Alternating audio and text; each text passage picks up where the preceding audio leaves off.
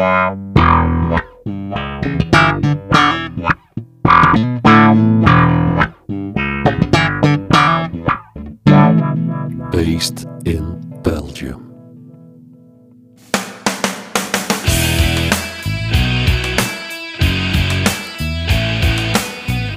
Welkom allemaal bij episode 4 van dit tweede seizoen Based in Belgium. Een special deze keer omdat we in ons overzicht van iconische Belgische bassisten ook enkele kleppers willen uitlichten die ons te vroeg ontvielen.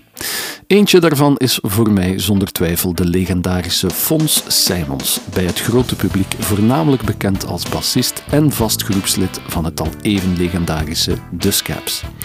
Samen met kernleden Gies Winnen, Willy Willy Zaliger en Frankie Sanen drukte de band als soort van Vlaamse Rolling Stones vooral halverwege de jaren 90 een onuitwisbare stempel op de belpopgeschiedenis met onverwoestbare rockhits en klassiekers als Hard Times, Time, Nothing on My Radio, Don't You Know of Robin the Liquor Store.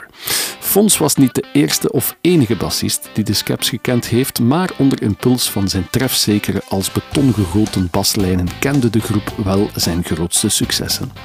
En die baslijnen raakten me keer op keer meteen midscheeps. In mijn oren klonk Fons als een mede-arrangeur binnen de Scaps. Een bassist die constant meedacht met de band om enkel die basnoten te spelen die het nummer beter zouden maken. Een kwaliteit die aan weinig bassisten is meegegeven. Getuige daarvan Fons baslijn die nu op de achtergrond weer klinkt. She's Jiving van het Scaps album Dark Days Are Over. Oorspronkelijk meebedacht door de drummer, maar van Fons kant zo authentiek neergezet dat de Scaps er niet alleen mee wegkwamen, maar ook nog een dikke nationale hit mee scoorden destijds. Maar niet alleen de uitzonderlijke kwaliteiten van de man in kwestie nopen ons tot een postume aflevering based in Belgium. Fons innemende persoonlijkheid liet niemand in de nationale muziekwereld onbetuigd. En ook die zetten we graag in de verf vandaag. Zachtaardig, genereus, een vat vol plezier en nooit om een taalgrapje verlegen. Zo omschrijven collega's hem stevast. De anekdotes over Fons gaan tot op vandaag nog steeds de ronde in de Belgische muziekscene. Waarom kreeg hij de bijnaam Telefons en wat was nu weer die mysterieuze fax uit Smuurkije? Dat en nog veel meer komen we te weten dankzij het bezoek hier in Studio Le Garage van twee mensen die zowel professioneel als menselijk heel dicht bij Fons hebben gestaan. Zijn leven vol rock'n'roll lang. Een van hen is opperscap Gies Winnen, die als vriend voor het leven through better and worse alle belangrijke momenten in het leven van Fons meemaakte. De andere is Fons' dochter Naomi Simons. Ook geen onbekende in de muziekscene, want als singer-songwriter Rena Riot baande ze zich los van het feit dat ze vaders evenbeeld is, een geheel authentieke weg met haar eigenzinnige gitaarspel en rauwe herkenbare stemgeluid. Based in Belgium. Alright, Naomi Guy, bedankt om uh, hier tot uh, in Studio Le Garage te komen. Uh, want Fons staat zonder twijfel op mijn lijstje van iconische en zelfs toonaangevende Belgische bassisten. Dus heel fijn dat jullie hem samen met mij de nodige eer willen bewijzen.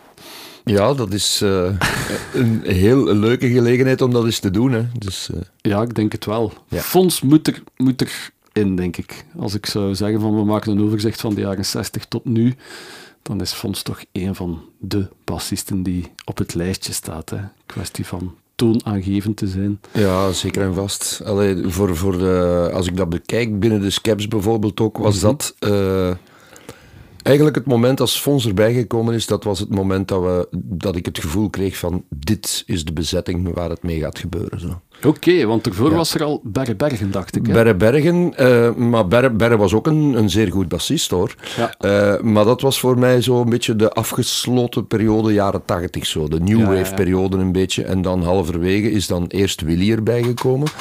Willy heeft een beetje gezorgd voor een input uh, richting meer classic rock, laten we het zo stellen. Een, een beetje Stones-fan. Uh, ik zelf ben dan ook een beetje richting Dylan en Neil Young gaan kijken. Zo'n beetje gaan kijken wat er voor de punk was, omdat de punk eigenlijk afgelopen was. Ja, want en, de Scaps zijn eigenlijk begonnen op een punt dat er nog veel new wave invloed was en punk Ja, ja, ja, de eerste periode met, met uh, Bergen bijvoorbeeld. wij zijn zo iets te laat begonnen om echt nog de punk uh, te spelen. We hebben in het begin ook punk gespeeld, maar nooit opgenomen. okay. En dan uh, het eerste mini-album was eigenlijk al direct een beetje new wave. Ja. Maar dat is dan eigenlijk een beetje uh, ja, opgehouden, zo halverwege jaren tachtig. En dan is Willy erbij gekomen en ja. dan is zo die dingen gekomen van kijk, we moeten iets anders gaan doen dan New Wave en punk, want dat is een doodlopend ja, ja. straatje. punk zei in het begin altijd van no rules, maar eigenlijk was het op, laatste, op laatste meer rules dan, dan iets anders. Zo. En die beperking wouden we eigenlijk vanaf. En, en dat is gebeurd dankzij Willy. En dan op een bepaald moment is Berrebergen overgestapt naar de Kreuners, ja. uh, waar hij volgens mij ook beter op zijn plaats was hoor. Absoluut, een enorm succesverhaal. En dan is eigenlijk uh, Patrick Rigel gekomen met het idee van ik weet nog een hele goede bassist uit het Gentse. Oké. En Willy, die, ja, van het moment dat de naam van Fons uh, viel, was Willy ook meteen dol enthousiast. Ik had geen flauw idee wat mij te wachten stond. dus Patrick Rigel was toen al de aansteker eigenlijk? Patrick Rigel heeft ervoor gezorgd dat Fons bij de Skeps gekomen is, ja. Want Patrick speelde al meer in de Gentse scene ook, denk ik? Of had ja, bij K13 gespeeld? Ze waren toen bezig met, met K13, ja. Ja, ja, ja. En ik mag dat misschien niet zeggen, maar dat was eigenlijk een beetje een slimme truc van Patrick omdat uh, Patrick was, eigenlijk, was, het, uh, was K13 eigenlijk een beetje beu. Het, zo de, de, ja, ja. Of, of, of, hij zat er, toch niet, zat er toch niet op zijn plaats of hij wou er toch een, een, een way out zoeken.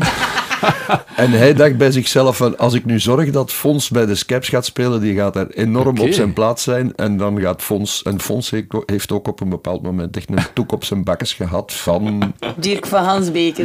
Ja. Ah, ja, ja, ja. ja. Dirk Omdat, Zaliger, ja, die dan later bij Luna Twist en Once More gespeeld heeft. Ja, ja, ja. ja, Dus met, met Patrick heeft Fons eigenlijk een beetje weggepromoveerd. Ja, om zelf nieuwe richtingen te kunnen Om uitgaan. zelf nieuwe richtingen te kunnen uitgaan. Maar dan veel later dan toch weer samen bij de Scaps gekomen. Hè? Uh, ja, heeft ook, uh, dat is ook in de periode geweest dat hij, hij heeft bijvoorbeeld op Skintide, waar Berre Bergen ja. nog op speelt, heeft hij backings gedaan samen met BJ Scott en ja, Angie Dillon. Ja, ja, En vandaar dat hij zei van, ik weet een hele goede bassist. Ik herinner mij nog heel duidelijk ook de, de dag dat Fons komen auditie doen is uh, bij de Scaps. Want okay. wij zaten eigenlijk in de miserie. Berren is het afgestapt. Uh, wij waren volop in voorbereiding van Royalty in Exile. Ja. Uh, er waren een aantal nummers ook die niet werkten meer met Berren en de sfeer zat een beetje moeilijk, dus die stapten het af. Maar wij hadden ja. ook nog optreden staan. En dan was ze van shit, shit, shit, wat moeten we nu doen? Ja, en dan is ja, ja, dus Patrick gekomen met dat idee. En ik herinner mij, denk dat dat bij Partners Sound was in Brussel of zo, dat Fons mm -hmm. daar binnenkwam. Uh, een vreemde verschijning zo, van uh, een rare gast. En die legde heel de vloer vol met allemaal notities. Uh, en Helemaal voorbereid op de auditie. Tot in, ja, tot in de puntjes voorbereid. En hij zei van, speel uw live set maar. En wij hadden een cassetje doorgestuurd van een, van een live optreden.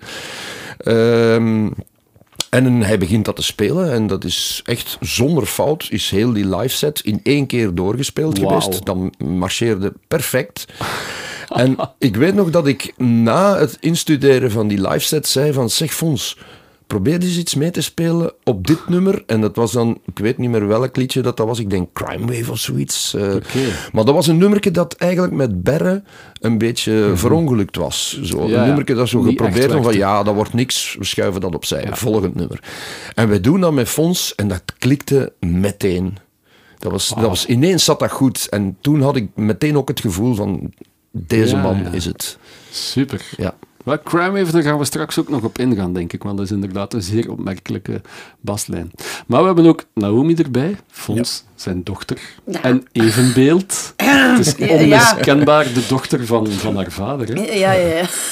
Eh, het is al acht jaar geleden dat Fons heen gegaan is, hè? Denk ik. Ja, ja, ja, dat is zo. Op, op welke manier denkt jij eigenlijk terug aan hem? Is dat elke dag, constant? Of is dat puur muzikaal gelinkt? Of Dat is elke echt- dag. Ja? Nog altijd. Ja, ja. En allee, dat, is, allee, dat, klinkt, dat klinkt alsof, alsof er misschien iets mis is met mij. Maar Mhm. mijn vader is overal. En eh, als ik hem in, dreig te vergeten, eh, een- ja. een- allee, dreig te vergeten van er een dag niet aan te denken, ja, dan kijk ik inderdaad in de spiegel en dan zie, zie ik mijn vader natuurlijk ook. Maar Ja. Ehm, dat is, wij hebben een muzikale link, maar wij hadden ook ehm, een, een allee, wij, wij hadden een heel vriendschappelijke link ook. Mhm. Omdat, ja, mijn, mijn vader was wel een... Misschien denken mensen dat niet, maar ik ben heel streng opgevoed door mijn vader. Oké. Eh, en mijn moeder, zeer, zeer gewoon strenge morele waarden ook meegekregen en zo. Ehm, maar ja, later in mijn leven of zo was dat wel een, een goede vriend. En ja, echt een goede raadgever soms ook. En ja, Ja. ja. hij was ja, streng, maar rechtvaardig. Oké. En hij maakte, het is duidelijk, hij maakte niet alleen op jou, maar op iedereen die ik ken, die Fons heeft gekend, een onuitwisbare indruk. Hè? Ja, Zijn persoonlijkheid was enorm giving, heel, heel open, denk ik. Heel, ehm, ja, heel zachtaardig. Ehm, Bruggenbouwer ook. Ja. Ja. heb ik al nog meer hij haatte, hij, Ja, haatte, hij, haatte, hij haat ruzie. Hij kan Geen conflicten. Geen, Ja. geen conflicten. Conflicten, vond- conflicten heeft hij nooit tof gevonden. Ja. En hij ging ook altijd proberen van iedereen te doen overeenkomen, maar dat lukte Ja, ook dat niet altijd. Dat klopt. Dat was, eh, binnen de Skeps was dat ook nodig. Hè. Daar is- ik maak Ja, ja. samen muziek, dus er zijn regelmatig eh, eh, ja, conflicten. En ah, ik, ik zelf ben ook redelijk koppig als ik van iets overtuigd ben.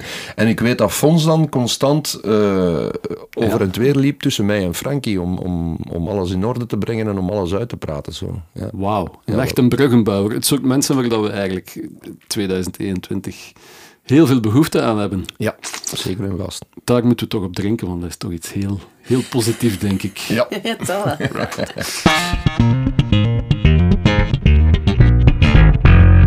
First things first. Voilà, iets drinken in deze speciale postume episode eigenlijk. Een beetje vies woord, maar zwart. Het is wat het is. Hè. Wijken we niet af van onze invalshoek om eh, onze gasten warm te ontvangen.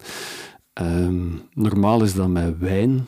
Bij sommige rock-and-roll muzikanten die er al gepasseerd zijn, mocht er ook geen alcohol aan te pas komen. Ehm, en in het geval van Fons kreeg ik toch ook weer een speciaal verzoek. Iets heel origineel, waar dat ik zelf nog niet aan gedacht had.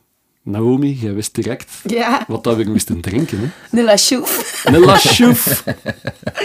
Het bier, ooit gebrouwen door, eh, in Achouf zelf, Ja. door een artisanale brouwer, en nu overgenomen door, door Moordgat. Wat, wat is de link tussen La Chouffe en, en Fons? Ja, voor mij was het... Voor mij was het eh, ze gingen daar, mijn moeder en mijn vader gingen daar regelmatig naar terug, omdat ze daar ooit waren geweest met eh, de Skeps. Oké, de Ehm, Skeps hebben ook ja. in, in Achouf vertoefd. Ja, dus eh, ik, in het begin als je mij vroeg van, van eh, een, een, een of andere drank met eh Fons te, te vergelijken, of te, dan dacht ik van ja, ik zou het niet weten. Tot als de naam, tot als Naomi zei van Ashouf, dan dacht ik, ah ja, natuurlijk. Ik denk dat wij voor de voorbereiding van Dog Days Are Over zijn gaan repeteren in een cafeetje, eh, net tegenover de brouwerij van Ashouf. En dat was een Oostens-koppel. En wij repeteerden dan boven. En dan tijdens de pauze werd er op het terras eh asjoef gedronken. met de bekende gevolgen. Gevolgen van dien. Zalige tijd.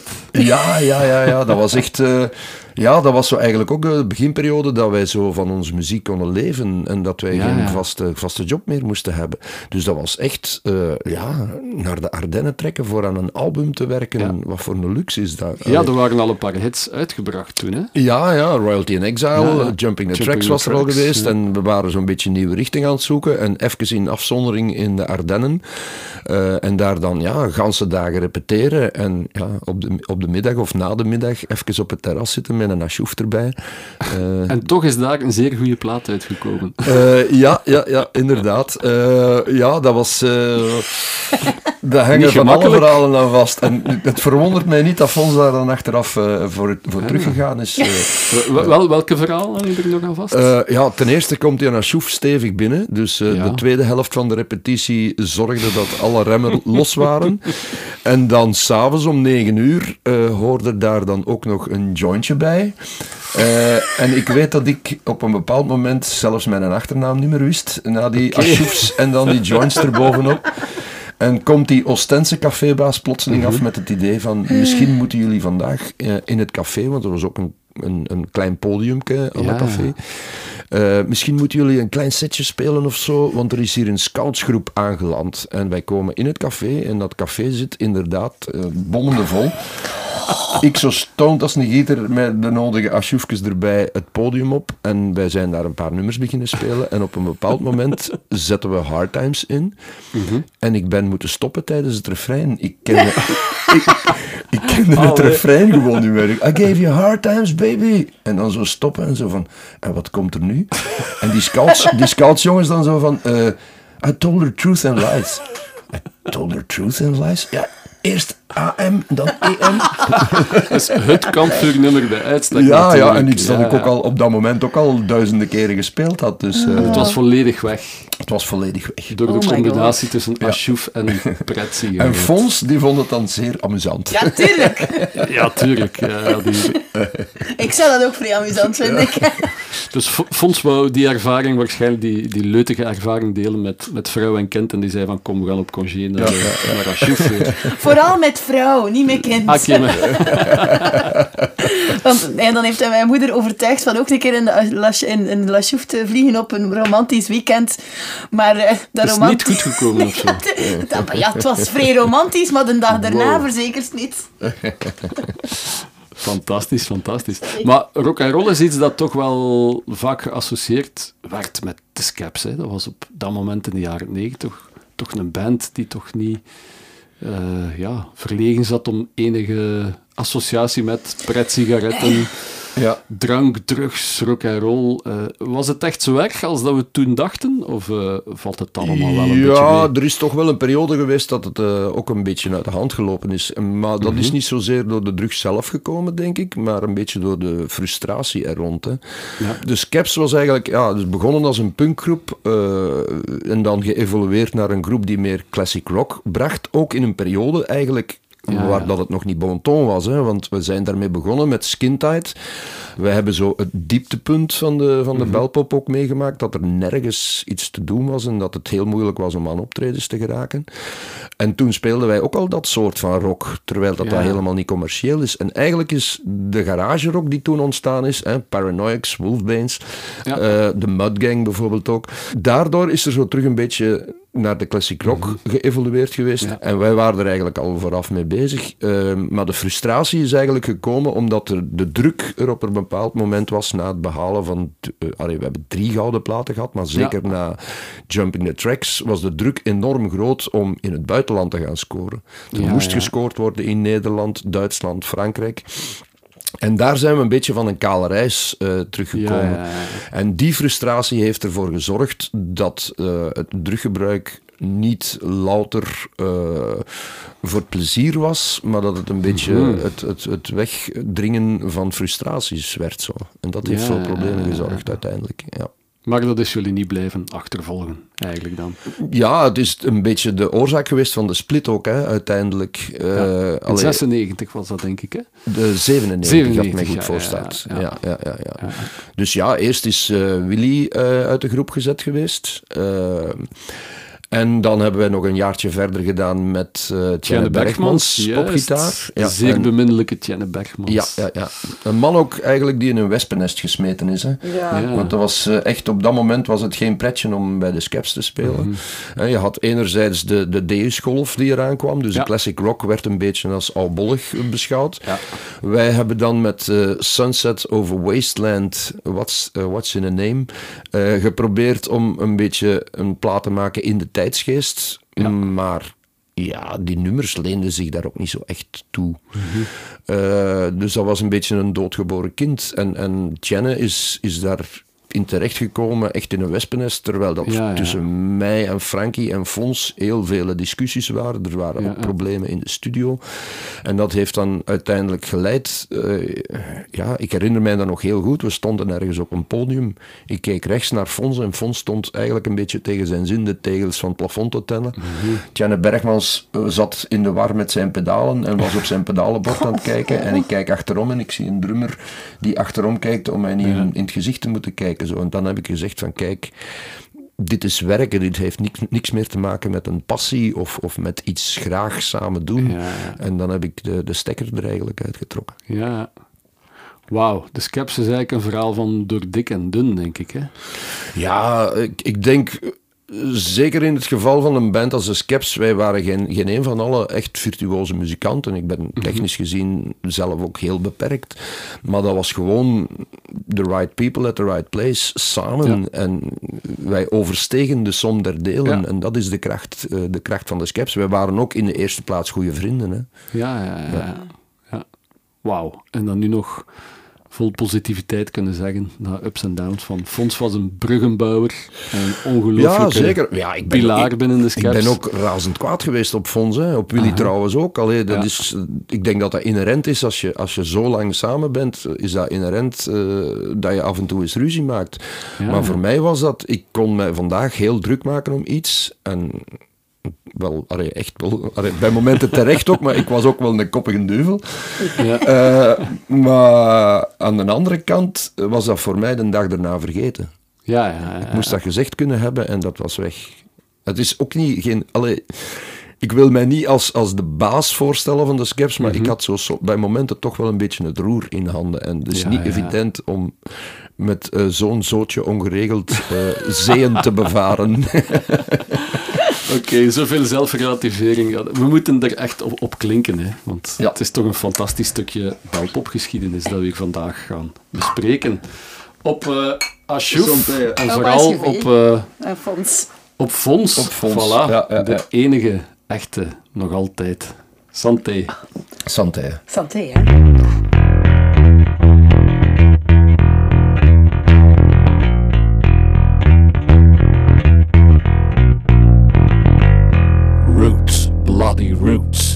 De roots van Fons Simons zijn al even aan bod gekomen door uh, de ontstaansgeschiedenis van de Scaps te, te illustreren.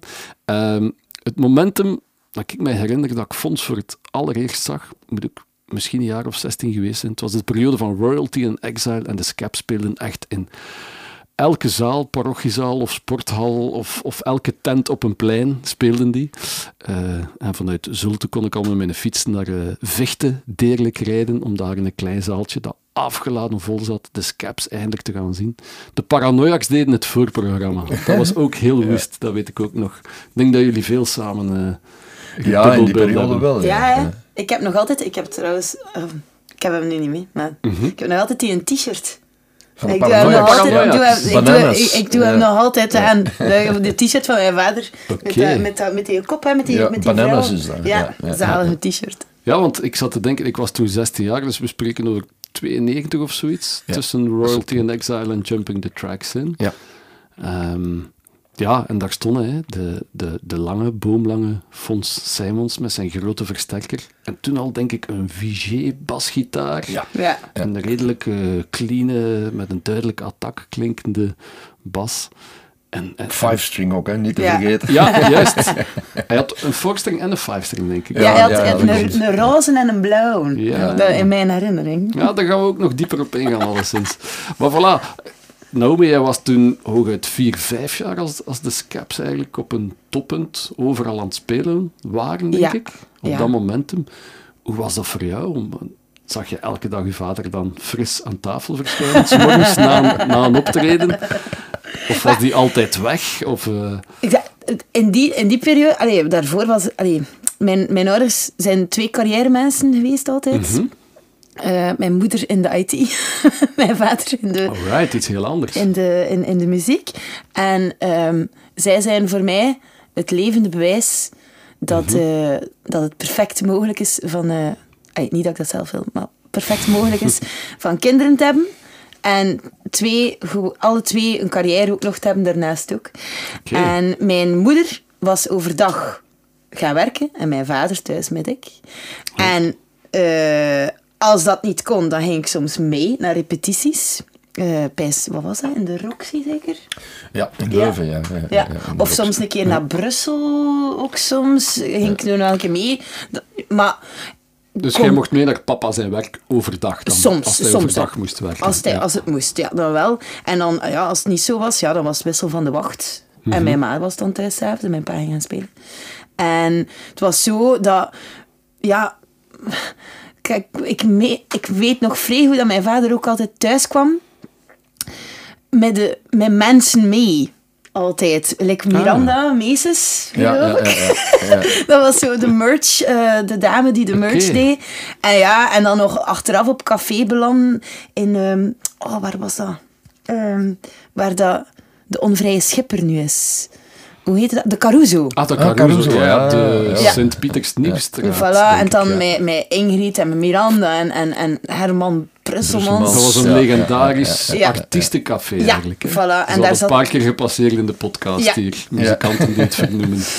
En dan daar tot kot in de nacht blijven zitten. En dan de volgende ochtend... Ja, mijn vader was, was wel een beetje van... Niemand weet dat, maar zwaar een ADHD'er. Ik weet niet, misschien was dat wel duidelijk, maar niet veel mensen hadden dat eigenlijk door. En uh, die was wel, ja, die ging dat wel uit daarna, maar die was wel, die werd wakker en die stond aan. Oké, die was daar voor jou. Ja, ja, ja, die, die, die, die, zijn knop stond gewoon, die had maar één één knop en dat was aan of uit. die kon ook geen boterham eten, dus hij maakte dan altijd een eiken, hè, uh, s ochtends als ontbijt en dan zo. Die kon nooit al zittend een boterham eten. Dus, Altijd bezig met iets. Ja, eh, Nee, nee, Wij, niet per se. Wij hadden een huis en dat was gewoon van voor tot achter was dat één, één stuk door. Uh, en Fons, mijn pa, die zat dan gewoon zijn, zijn boterham op te eten en zijn koffie te drinken mm -hmm. en heen en weer te lopen. Zo herinner ik mijn vader. En dan een muzieksknop zetten en dan ja, die een boterham ergens leggen en dan zijn bas pakken. Dat, dat was mijn dat vader. herinner ik mij ook. Uh, ik herinner mij nog een geval in Zwitserland. Ja. Uh, ook een van de, de dingen, de pogingen om in het buitenland door te breken. We hadden daar een optreden versierd op de nationale radio van een volledig, een volledig optreden van de Skeps, een uur aan een stuk. Wow. En dat was uh, fantastisch goed gelukt. Uh, dan zijn ze de drank ingevlogen en op stap gegaan. en uh, ja, ik als zanger braafjes naar het hotel slapen en ik sta s morgens op rond een uur of tien. En de, ik denk dat Frankie en Fons toen terugkwamen van op stap te gaan. Fons was nog behoorlijk in de wind en Frankie die zat er helemaal door. Die gaat in zijn bed liggen uh, op zijn kamer. En Fons die zegt van, uh, ook zo ADHD-gewijs. Uh, Frankie, ik zal u een douche al openzetten, dan kun je zelfs, dan is die warm. Hè, en dan, dan kun je zelfs onder een douche. Maar ja, Frankie dommelde natuurlijk in. Die dacht nog een uur te slapen voordat de bus vertrok. Ja, ja, uh, fonds naar beneden aan de toog. Daar dan even rel maken, omdat hem daar een cognac bestelde mm om tien uur s ochtends. en die natuurlijk niet kreeg, omdat hem al een beetje in de wind was. En ik zat daar dan, Fons, rustig, kalm. En terwijl dat ik Fons probeer te bedaren, zie ik de poetsvrouw naar beneden komen van de trap, druk gesticulerend uh, het uh, bureel van de directeur uh, daar, van de manager van het hotel opvliegen. Die met hun twee terug naar boven en toen wist ik al, er klopt iets niet.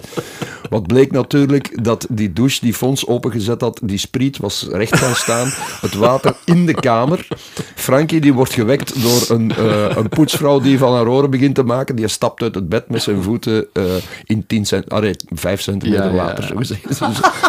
Dat zijn dan zo van die stories uh, dat je denkt, op het moment zelf is dat zo van, oh my god, nee. Maar achteraf zijn dat de mooie verhalen die blijven hangen. Ja. Maar hoe, hoe laveloos dat hij soms was, hij was wel heel gefocust op van alles moet blijven vooruitgaan. We moeten hier ja, ons schema aanhouden. Ja. Ah, dat had ik niet direct uh, gehoord al in de verhalen. Uh, dat is nieuw voor mij. Dat is ook diezelfde dag zijn wij dan, uh, we hebben dan fonds even moeten afzetten uh, in de camionet, omdat hij bleef hyperactief. En dan heeft, uh, ik denk, een van de Rodis hem een valium gegeven. Oh, nee.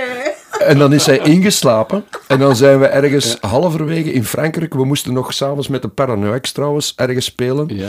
Uh, ergens midden in Frankrijk in een of ander middeleeuws aandoend uh, dorpje gestopt. Mm door allerlei straten gegaan, links, rechts, bergop, bergaf, nog eens, uh, en op een pleintje uitgekomen. En in, op dat pleintje, in een café, in de kelderverdieping, zijn we iets gaan eten. En Fons lag nog in de camionet te slapen. Maar dat was echt, ja, we kunnen misschien een kilometer gewandeld hebben. En op een bepaald moment, na het eten, wie staat daar ineens in dat café? Fons.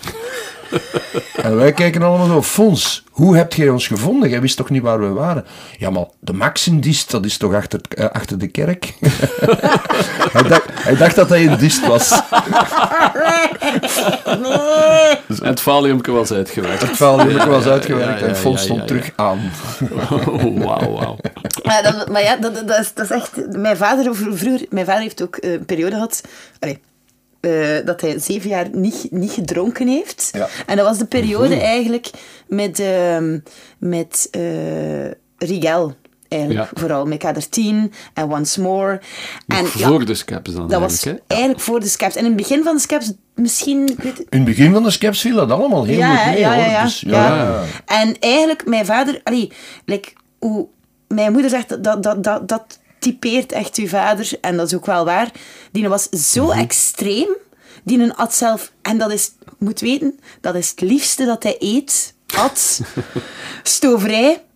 Hij Oh, had het niet meer, hè, want dat was met bier. Zat daar bier in. En je moest dat dan niet dienen. Hij Ja, was de- zo extreem in, Ja. in zijn... eh, Ja, als je zegt eh, drank, drugs en rock en roll, eh, eigenlijk zijn de problemen pas gekomen als er binnen de groep problemen waren. En dat was eigenlijk omdat Fons een hele gevoelige was aan Ja, die ja. spanningen.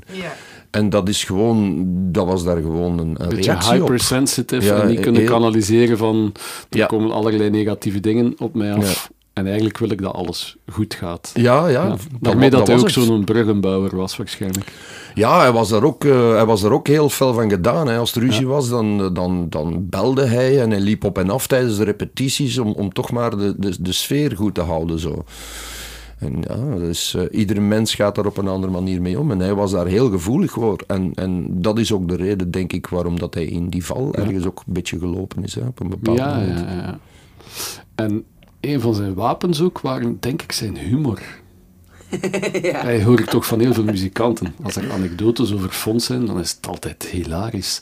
Wat dat je te horen Ik krijgt. sta ervan te kijken dat er nog niemand een boek over geschreven heeft. Ja, eigenlijk. Dat is, die verhalen stoppen niet. Dat is, eh, Patrick Rigel kent er heel veel. Ik denk het wel, ja. Eh, maar dat stopt niet. Ik, ik kom soms nog mensen tegen die verhalen vertellen van ah ja, Fons, Ja. en daar heb ik dat mee meegemaakt. En dat stopt gewoonweg niet. Ja. Ja. Maar de humor sneed, sneed misschien aan twee kanten dan. Van, aan de andere kant hebben we alles oplossen met een lolleke, gelijk dat ze in Gent zeggen. Ja. Maar aan de andere kant kon ik niet zo goed om met de negativiteit die er soms was bij de spanningen of zo. Nee, maar hij was ook gewoon soms zo... Hij was ook soms gewoon zo bloed... Zo, zo bloed eerlijk. Ja, en al ja. probeerde hij van het te wat te verbloemen. Zijn gezicht sprak boekdeel. Ja, ja, ja. Mijn Fons was ook zo degene die naar, naar, naar de madamke ging op de bus, die hij al lang niet meer had gezien. Ja. En zo, mo, proficiat, hè? Die gewoon een beetje was bijgekomen. Maar Ja, hij was ook. eh, in, eh, hij was, ja, je kon daar niet kwaad op zijn. Dat was Nee. een heel, eh, heel, Ja, heel goed ja, van inborst. Ja. Maar hij was ook verschrikkelijk onhandig. Oké. Eh, en en eh, ik herinner mij bijvoorbeeld nog dat we met de Skeps een, een, een, tweedehands camionet, maar een behoorlijke camionet hadden gekocht, zo met een aluvan op van achter, zo'n grote aluminium bak. Dus een vrij grote camionet voor de steeds groter wordende backline van de Skeps te verhuren. En ik kom met die, eh, met die camionet aan voor de allereerste keer op de repetitie in Brussel. En eh, en Willy en Fons komen, hè, oh, nieuw camionet, oh, fantastisch, amai, groot, hè, dat gaat geweldig zijn. En nu kunnen we eindelijk gaan toeren. Ja.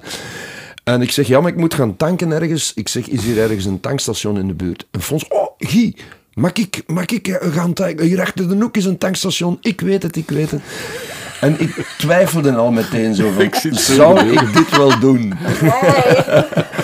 En ik dacht van, kom aan, Guy, niet flauw doen. Allee, Fons, hier zijn de sleutels, ga maar naar het tankstation. Tien minuten later komt Fons terug, eh, al, zich al excuserend uit de kamer. Guy, sorry, sorry, sorry. Wat was er gebeurd? Hij was naar een tankstation gereden waar zo'n afdakje boven is. Maar die camionet was veel hoger dan verwacht. En natuurlijk met die aluminium bak bovenaan al direct een gat erin. Van tegen dat afdakje te rijden. Maar dan, ja, was ik even tien minuten kwaad en dacht van, och ja, het heeft toch geen zin. Geweldig. Ja, dat, dat soort verhalen hoor ik constant van, van muzikanten die, die met hem gespeeld hebben. Ja. Eentje daarvan is Jan Uitekiet, van wie dat ik ook dacht van die moet ik eens opbellen en vragen of hij toch het een en het ander wil zeggen over Fons.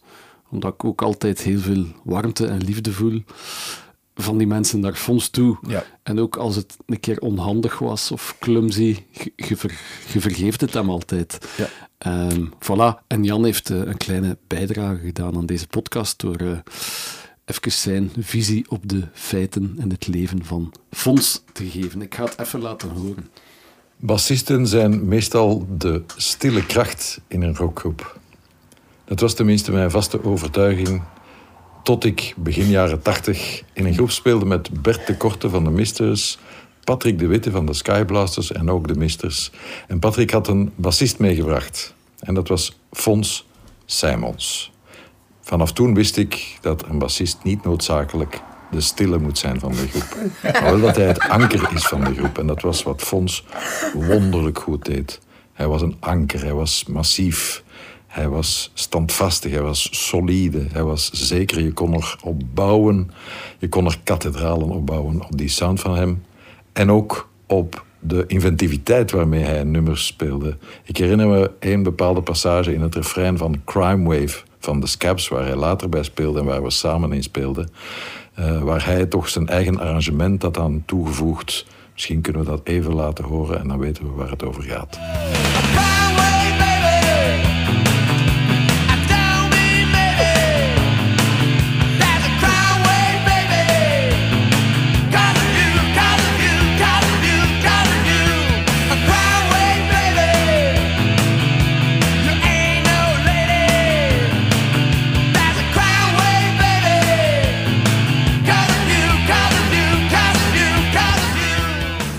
Diezelfde Von Simons was, behalve een hele goede muzikant, ook een vat vol plezier, vrolijkheid en taalweetjes. Zo was hij de redacteur, de enige redacteur denk ik, en dus ook de eind- en hoofdredacteur van het fanblad van de Scaps in de jaren 90.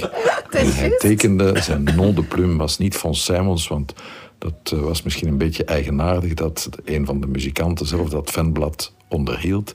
Maar hij had een um, schuilnaam gevonden, een pseudoniem, een artiestennaam eigenlijk. En dat was Serafijn Pons.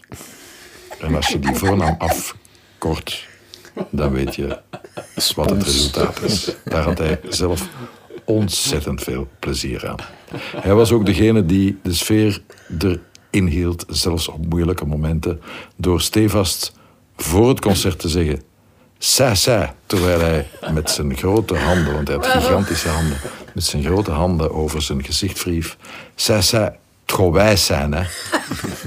En hij was ook de eerste, als we van het podium kwamen, om te zeggen... Het was wijs, hè.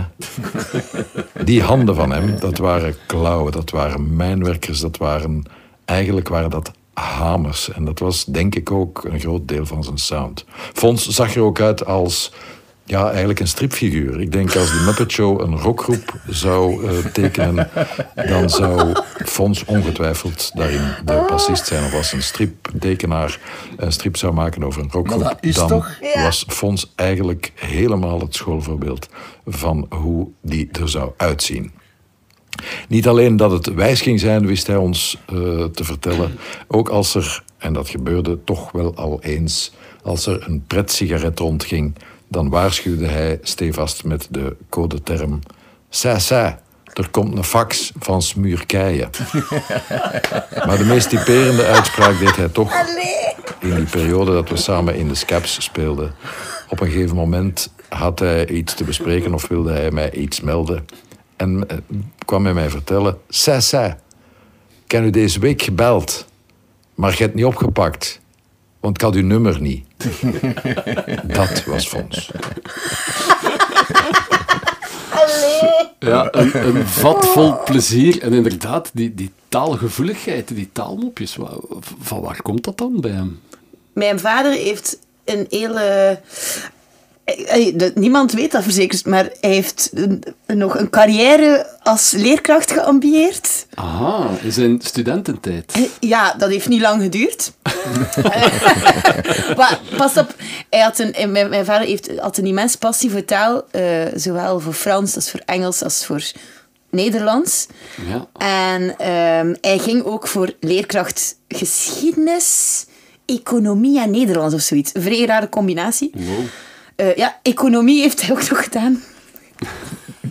Dat is iets, komt uit de lucht gevallen. Economie en fonds in één zin. Ik dacht te zeggen, de scaps en economie. BTW, dat heeft er nooit van gehoord.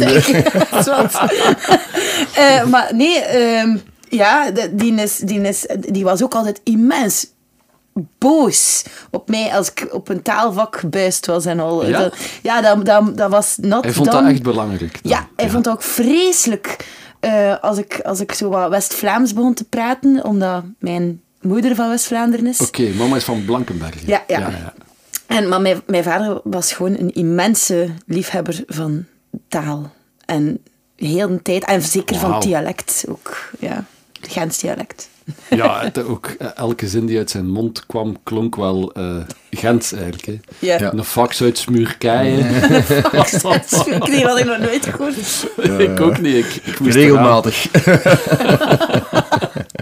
en ook zijn sa sa heb ik dikwijls horen uh, imiteren door Patrick Riquel. Die ook dikwijls als we met de laatste show bij het podium op moesten, die zei van sa sa, het gaat wij zijn.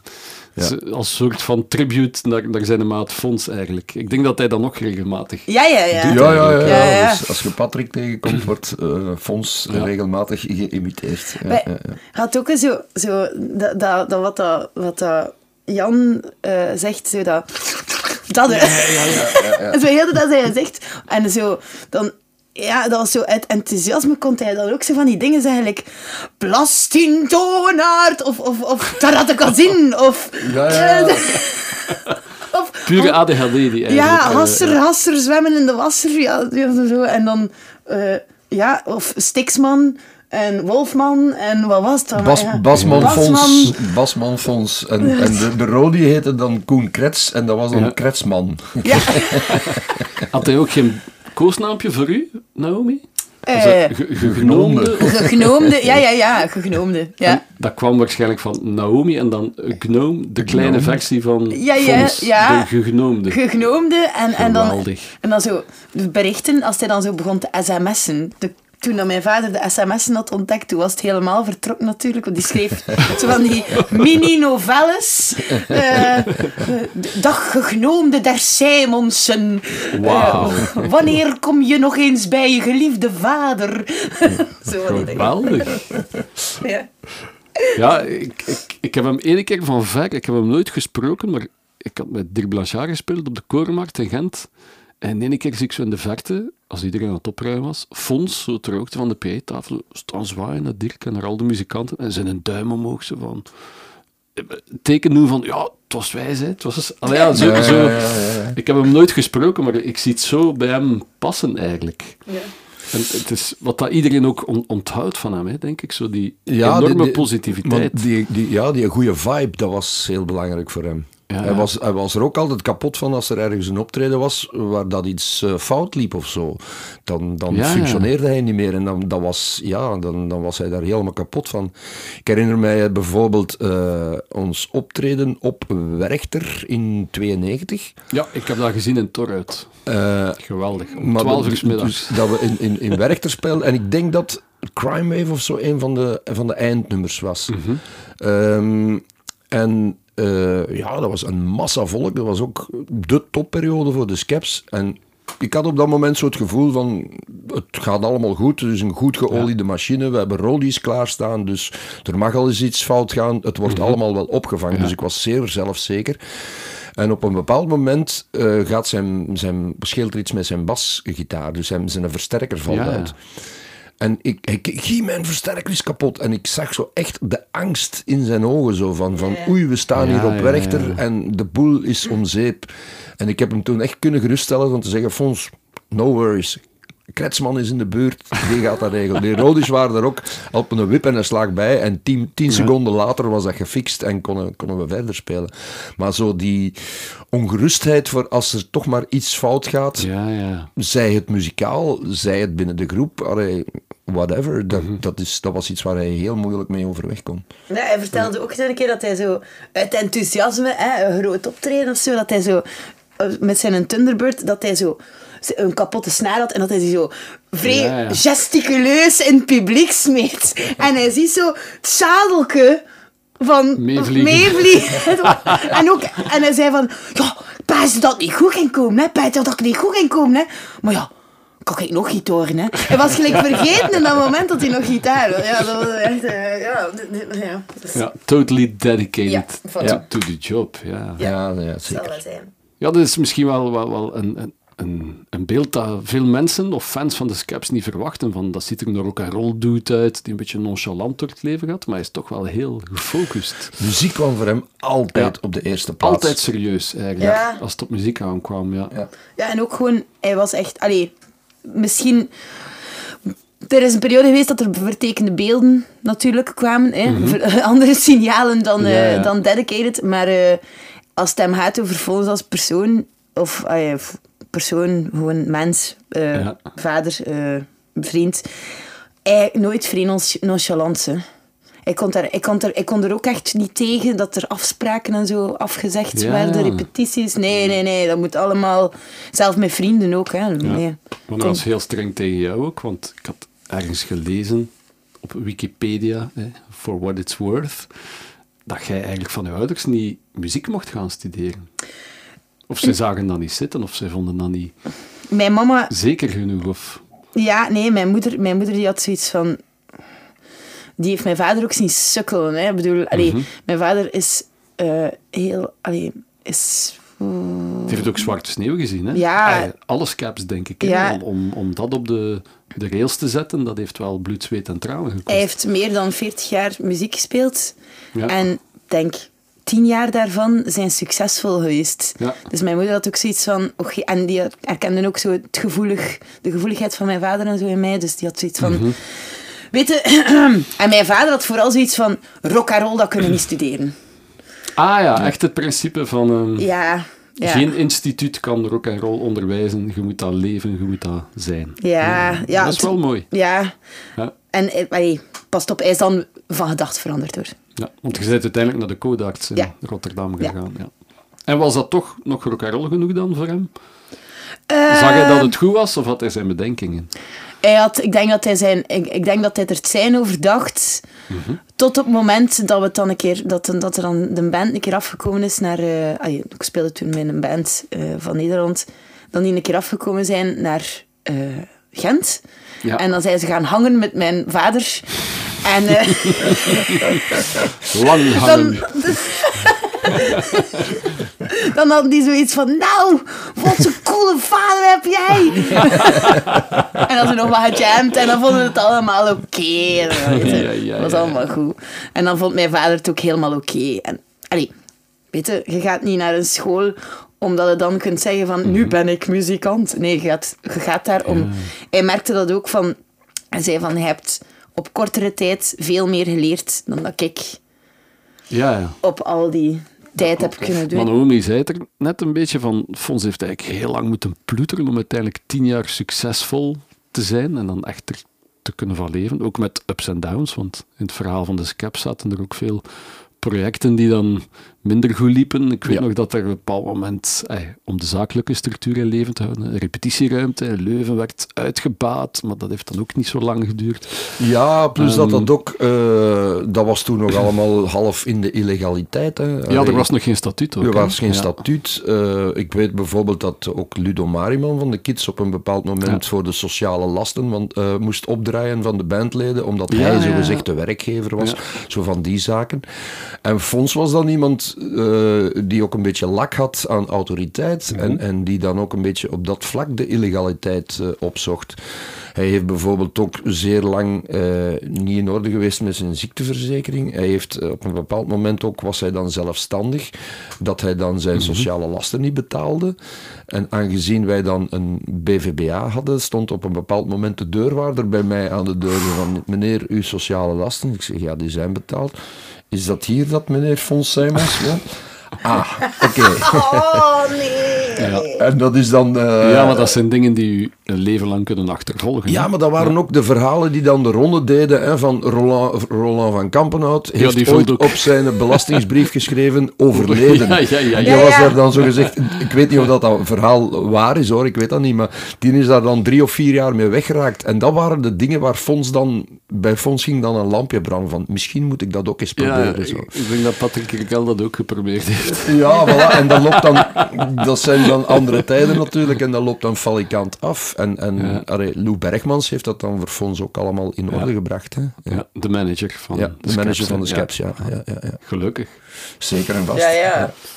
Maar ja, het was ploeteren. Hij heeft ook een aanloop genomen. Hè. Wij denken altijd van, ja, Fons is ineens bij de Scaps verzeild geraakt, maar er was nog een heel leven vooraf ook. Met K13, de band van Patrick Ja. Bij Kadril zelfs heeft hij Ja, ja. gespeeld, denk ik. En Wat bij dat we nu eclectisch is. plastic. Pla- Eh, eh, Luc, Luc Bral. Bral, Luc ja, ja. de kleinkunstenaar. Dus Plastic Dream Band. hij was toch wel heel open-minded naar muziek toe. Hè? Ja, ja, ja. Want mensen die hem Hij alleen van de kennen... Madness gespeeld. ja maar ja, Madness. niet in een madness, hè. Bij Madness. Ja, de- de- hij had een groep, voordat Madness, de, de Britse band, bekend werd, had hij ook een groep gehad die Madness, Madness. heette. Hè? Ja. Oké. Tot, tot, tot eh, zijn vader dacht dat hij, dat, dat hij weg was. Eindelijk Ga succes. kijken, ik ben dat jij door mij gestopt zet. Ze zijn uit deurgebruiken. En dingen, hè. ehm, heeft eh, bij Bouadé, Edouard Ja. Bouadé Ja, ja. en... eh, Skyblasters. Van de Skyblasters. Mijn vader was, als, hij, als, hij, als er iets anders was waar dat hij vrij goed in was, vond ik persoonlijk, en mijn ma ook, een reggae-bassist. Je Ja, hem, je ja, hem niet ja, aangeven, ja, maar dat is ja, echt ja, een ja. keigoede reggae-bassist. Ik weet dat wij dat soms eh, voor de grap deden op het einde van de repetitie.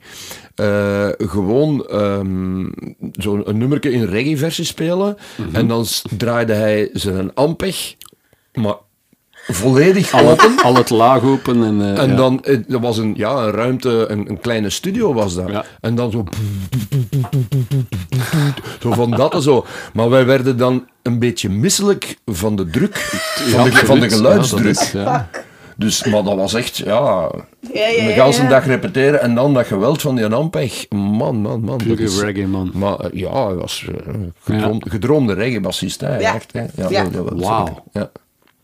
Dus had Fons niet bij de Scaps verzeild geraakt, dan was er waarschijnlijk wel elke editie van de Reggae Geel elk jaar waar dat Fons bij een of andere Ja. reggae groep zou gestaan hebben.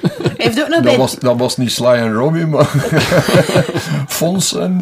maar hij heeft nog bij dingen gespeeld. eh, maar ja, dat is ja, bij GT Moore. eh, Ja- Ah, die ken ik niet. GT Moore en de Roots Federation. Ja, En dat was echt ja, reggae, eh, dub. Ja, ja, ja dat, allee, reggae en, en echt zo, ja, in die oldschool traditie zo. Ja. zo. Ja, ook van heel die kliek van Dirk van Hansbeken en daar zat hij zo wel. ja, ja, ja, ja. Daar was dat heel erg aan de hand. Want, hij, want Fons heeft in zijn jonge tijd dan ook met Dick van Ransbeke bij Once More gespeeld, denk ik. Ja. Denk het, ja. Ja, ja, ja. Dus de voorloper van Luna, Twist, eigenlijk. Ja, ja. ja, het is heel divers hè, waar dat hij in verzeild geraakt is. Ja, ja. hij heeft ook nog een aantal dingen ingespeeld. De, de eerste soloplaat van Tom Wolf of zo Ja. heeft hij ook Ja. ingespeeld. Ja. Ah, Jean-Marie als, ja, als, ja. als producer. En daar was hij ook, dat was tijdens de Skeps en daar was hij heel fier op ook. En dat was ook, ja... Ja, ja. Maar like, na, de ska- allee, na de skeps ook nog. Allee, waren natuurlijk wel wat mindere tijden of zo, maar eh, met, met Tiny. Oh, ik weet dat nog. Tiny MP. Dat was Ja. zo'n band Ja. dat hij had. En dat was, dat was echt. Allee, dat was zo. Een, wat was dat? Ja, een beetje grungy. eh Ja. toen met een, ook met een, met, een, met een vrij goede zanger. Toffe band eigenlijk. Ja. Maar ja, dat is dan, en die hebben dan zo vers, vers geweld. Dat was dan een ding dat dan. Een rockconcours waarschijnlijk. Ja, ja, en, ja, en dan, op, op, allee, dan, dan mochten ze zo mee op een tour of zoiets. En dan, daar zijn ze dan ook nog even mee. Maar voor de rest heeft hij dan... Weet ik niet. Ja, maar het, het typerende daarvan was van, dat was misschien iets zeer klein, maar hij had daar hetzelfde enthousiasme voor dan voor Ja, een ja. succesvolle band. Ja. Dat interesseerde hem niet dat dat minder succesvol was. Hij, ging Ja. altijd voor de 100%. Zo. Dat En hoe moeilijk was het dan voor hem om, om ja, als huisvader om, om eh, een inkomen te voorzien? Want ik kan me inbeelden als je plots bij de Scaps dan niet meer speelt na 97, Het heeft toch weer helemaal stilgelegen tot 2007, tot de Rewind-concerten, denk ik. Klopt, ja.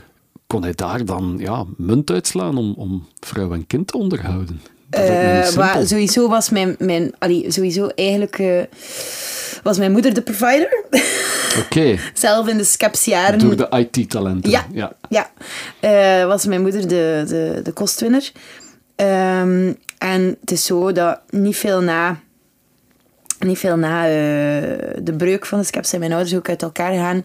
Niet door, doordat de skeps uit elkaar gaan zijn, maar gewoon ja, ja omdat ja. er wat problemen waren langs mijn vaders kant die uh, ja. de bovenhand namen. En uh, dan, heeft, ja, dan is hij eigenlijk in zo'n cité-huis, een arbeidershuis gaan mm -hmm. wonen. En ja, altijd wel in heel veel, heel veel bandjes gezeten, maar ja, hij, hij, zat daar, allee, hij zat ergens in een, hij zat in een andere dimensie, denk ik. Een iets stuurlozer periode. Ja, ja. En heeft dat dan geduurd totdat de Scaps weer samenkwamen? Voelde je nee. daar dan weer van, of was uh, dat een punt dat hem niet echt weer... Nee, mijn vader... Allee, de, zo... Structuur gaf? Nee. ik denk dat dat eerder misschien zo'n beetje was van laten we allemaal opletten. Maar ja. uiteindelijk heeft hij dat, vrij, allee, heeft hij dat een hele periode wel heel goed gedaan. Maar um, allee, er zijn wat problemen geweest. En dan vanaf dat ik ongeveer mm -hmm. 13, 14 was, toen was het, um, toen was, was het wel weer oké. Okay, 14, ja, 14 was ja. ik ongeveer. En toen is hij ook, ja, weet je, wat doe je? solliciteren in de Colruyt. Ja, ja. Uh, hij is, hij is team, teamleider geweest in een fabriek. Uh, ja, van alles en nog wat. Maar ja. hij is, heeft dan pianofabriek ook gedaan. in de Helen Keller Studios gewerkt. Um, en ja, van, van alles en nog wat hij geprobeerd. Uh, maar echt, ja, op een podium, op een groot podium staan, ja, dat was terug met jullie. En, en, en, en dat was, voor mij was dat zo ik moest dan ook iedere keer liefst van hem mee. En, en hij was dan altijd vrij zenuwachtig. Ja. En um, dat was wel... Allee, dat was wel... Ik, ik, ik, ik pijs dat ik elke avond in Nabea zitten blijten. Van, allee, maar van contentement ja, van hem ook te zien. Hij zou zo met hartjes en... Ja. die, die, uh, die, die uh, reunieconcerten, dat was ja. voor hem een feest. Hè? Dat was niet te doen. Dat was voor hem een feest. Dus hij had er toch wel echt naar uitgekeken. Ja, ja, ja. Dus we, hadden die, set ook, we hadden die set ook strikt gerepeteerd. En op een bepaald moment moest Fons een nummer inzetten. Mm -hmm. En uh, dan moest dus we stoppen en direct moest Fons dat nummer inzetten. En uh, ik stond naar Willy te kijken of zo, maar in elk geval niet naar Fons. En mm -hmm. dat nummer begint niet. En ik draai mij om en ik zie Fons naar het publiek kijken en hij staat hartjes te maken naar het publiek. En dan Fons! En dan, we verschieten omdat ik dan roep uh, en dan in gang schieten. Zo. Maar dat was Fons zo van, ja... ja.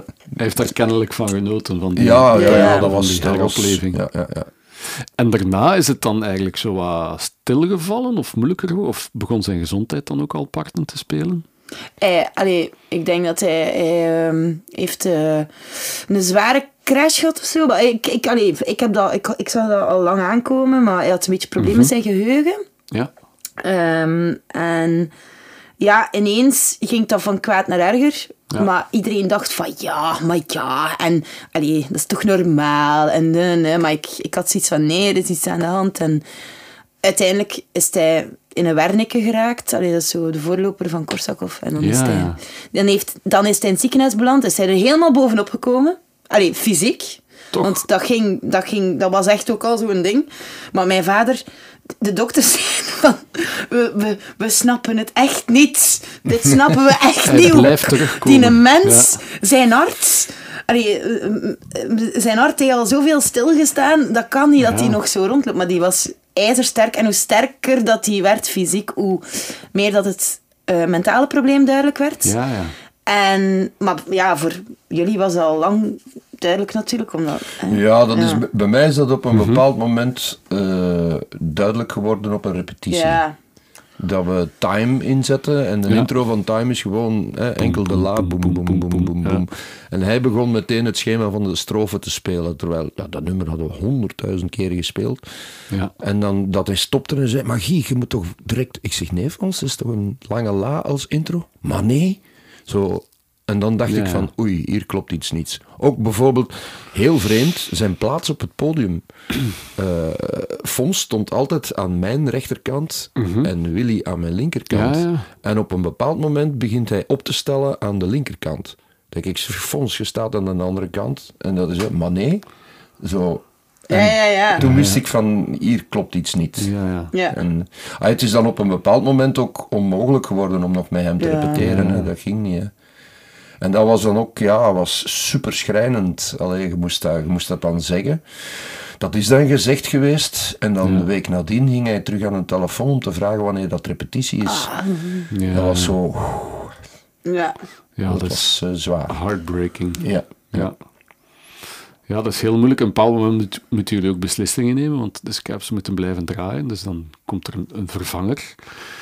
Ja, ehm, dat, is, uh, dat is op die manier dat uh, niet gemakkelijk aangebracht in het begin van kijkfonds. Uh, we moeten u vervangen tot als je beter bent. Ja. Maar ergens voelt je ook wel aan van gaat dit nog beter? Zo, van, dat was een, direct ja. een heel groot vraagteken. Zo. Ja, ja. Tot als dan ja, de diagnose gesteld is van, van Korsakov, hè, dan wisten we ja. van dit komt nooit meer goed. Ja, ja, ja, en de vervanger werd gevonden in de vorm van Geert Schuurmans. Ja. Die dan, ja, toen nog liefst tijdelijk zou vervangen, maar het was nogal gauw duidelijk dat het uh, definitief zou zijn. Ik heb ook aan Geert gevraagd om uh, zijn gevoel daarbij uit te leggen, omdat we toch een bassistenpodcast zijn. Eh. Ja. en ik vroeg mij af van, goh, hoe moeilijk moet dat niet zijn om Fons te gaan replacen? Um, je kunt dat allemaal technisch naspelen en een set instuderen. Maar uiteindelijk, hij was echt een arrangeur binnen de groep. Hè. Was echt, zoals dat je in het begin zei, een band waarvan dat de som der delen meer was dan individueel. Um, dus ik was heel benieuwd naar, naar uh, zijn uh, ja, verhaal daarbij. Fons Simons, ja, dat was voor mij en, en, voor veel andere mensen, denk ik, de rockbassist van België. Uh, die, die speelde fantastisch en die zag er dan ook nog eens geweldig uit. Dus ja, dat, dat plaatje, dat klopte. En, en, heeft natuurlijk een grote invloed gehad op mij als bassist. Want eerste groepje waar ik in speelde, begin jaren 90, ja, we speelden natuurlijk nummers van de Skep, zoals alle covergroepen toen, denk ik. En als je dan die nummers uh, aan het studeren bent en je bent die baslijnen aan het uitzoeken, dan zijn je eigenlijk, zonder dat je het zelf beseft, een masterclass ontvolgen van hoe schrijf ik de perfecte baslijn. Die, die zitten zo goed in elkaar dat je op die nummers eigenlijk quasi niks anders kunt spelen dan, dan hoe dat fondsen spelen. Want als je dat doet, dan, dan zakt heel dat nummer in elkaar en dan, dan klopt dat nummer gewoon niet meer. En dat, dat is voor mij de definitie van uh, een goede baspartij. En ja, dat was uh, Fons wel meesterlijk in, ja. Hoe was het voor mij om bij de Skeps te gaan spelen na Fons? Ja, dat, dat was niet evident natuurlijk. Wat wel hielp en wat ook de reden is dat ik de kans gekregen heb om bij de Skeps te gaan spelen, is dat ik Frankie goed kende. Uh, we hadden al wat jaren samen gespeeld uh, in een CCR tribute band. We hadden samen bij La Ernest gespeeld. Uh, we hadden met Willy ook al eens iets gedaan. Dus wij hadden persoonlijk en muzikaal een hele goede klik. Dus ja, op dat gebied maakte ik me eigenlijk niet te veel zorgen. Het ging je natuurlijk wel over de skeps. Ja, dat is niet zomaar een groepje. Dus uh, dan weten op voorhand dat er wel wat commentaar gaat komen als uh, daar ineens iemand anders staat te spelen. Maar langs de andere kant, ja, zo'n kans krijg je natuurlijk maar één keer in je leven. En, en als ik het niet zou doen, dan ja, stonden er wel honderd anderen klaar die graag in mijn plaats zouden zijn. Dus dacht ik, ja kom, uh, ik doe het gewoon en, en we zien wel wat het wordt. En wat mij ook wel geholpen heeft, is het feit dat de band zelf en de crew en, en het management mij altijd heel goed en heel correct heeft behandeld. Zelfs Fons. Want ik, ik weet nog uh, dat we aan het repeteren waren in de Marconi-studio's op de VRT voor uh, de Radio 1-sessies. Dat ging de eerste optreden zijn dat ik met hen ging doen. En uh, Naomi kwam ook een paar nummers meedoen. En de bedoeling was dan dat Fons die nummers uh, met Naomi ging samenspelen. Dus uh, ging hij ook een dag afkomen om dat te repeteren. En ja, ik weet nog dat iedereen wel een beetje zenuwachtig was die dag, omdat Fons ging komen en, en niemand goed wist hoe hij op de situatie ging reageren. Maar ik kwam binnen en uh, was heel vriendelijk tegen mij en uh, heel geïnteresseerd in het materiaal dat ik gebruikte. En, dus we hebben wel uh, even gebabbeld en ik vond dat heel tof. Ja, was dat nu oprecht of niet? Eigenlijk maakt me dat niet uit, want allee, je moet het maar doen. Hij had mij even goed uh, kunnen negeren of zelfs wat ambetant tegen mij doen. ik had hem dan niet kwalijk genomen, want, uh, maar hij heeft dat niet gedaan, in tegendeel. En ja, dat apprecieer ik wel enorm, dat vond ik wel chic.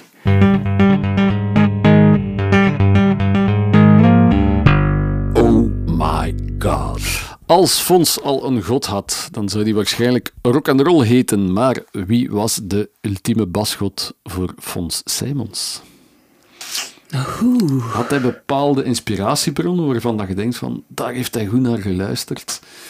Of keek hij meer op naar muzikanten in het algemeen die hem inspireerden? John Paul Jones. Ja? Sowieso. Een bassist van Led Zeppelin. Ja. Sowieso. En... Uh, uh, misschien zelfs soms een keer dingen. Uh, maar dan alleen maar met de plaat met Joni mhm. Mitchell. Allee, verdorie. Jaco Pastorius. Pastorius, ja, ja, yes. Omdat hij dat gewoon ook zo'n eigenwijze type vond. Amai niet. Daar bestaan ook veel anekdotes over. ja, wel. Ik, ik, mijn vader kon niet zo goed tegen verafgoeding. Dus... Ah, zo de personencultus, daar ja, nee, deed hij niet graag aan mee. Nee, zo dat, die, die... Ja, nee, nee. Eh, dus hij, dit dat zelf niet echt. Mm Keith Richards, dat is misschien wel, ja, dat was wel zijn. Vond dat, ja, dat vond hij wel. Ja, ik ken, ik, ik, ken hem toch ook vooral als, als, als muziekliefhebber in het algemeen. Zo. Mhm. dat, het ging niet alleen over basgitaren, maar bijvoorbeeld, allee, het, het, mij doet The Free bijvoorbeeld. Dat is ah, denk ik dat Fons heel veel mosterd gehaald heeft. Ja, ook het melodieuze binnen de riff blijven halen. Dat is inderdaad wat. Maar inderdaad, John Paul Jones, nu dat je het zegt, toch ook veel gelijkenissen. Ook echt in de hoogte durven gaan, melodieus iets placeren, zoals bij Crime Wave. Ja. Waar dat hij inderdaad, uh, zoals dat we bij Jan Houtekiet ja. hoorden, uh, twee laagjes boven elkaar legt in ja, de studio. dat is een geniaal idee. Hè? In, in dat opzicht was, was Fons een, een gedroomde aanvulling voor wat dat wij deden, of, of wat, wat dat ik bijvoorbeeld deed. ja, ik pakte gewoon twee akkoordjes en ik zong daar een zanglijn op. Ja. En Fons maakte dat eigenlijk uh, tot een intro en een strofe of een, een strofe en een bridge. Terwijl ja, ja. ik gewoon dezelfde akkoorden doorspeel. En bijvoorbeeld een liedje als uh, You Don't Need a Woman, dat begint met een La mineur 7 en een Re mineur 7. Boom, boom, Heel simpel open. Gewoon open spelen. En Fons die speelt dan in het begin. Ah nee, dat is dingen radio. Ja, ik moet het spelen. Wacht, ik ga mijn gitaar Ja, pak een gitaar. Over naar de interne keuken van de Scabs. Het ontstaan van... Uh...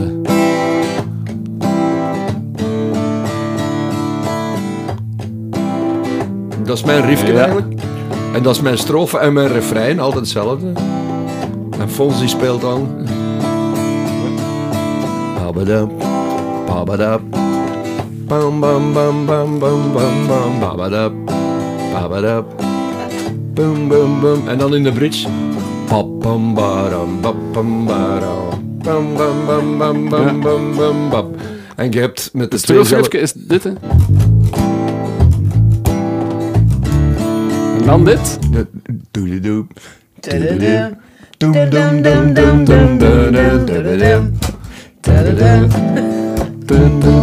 En dan begint het te lopen, hè.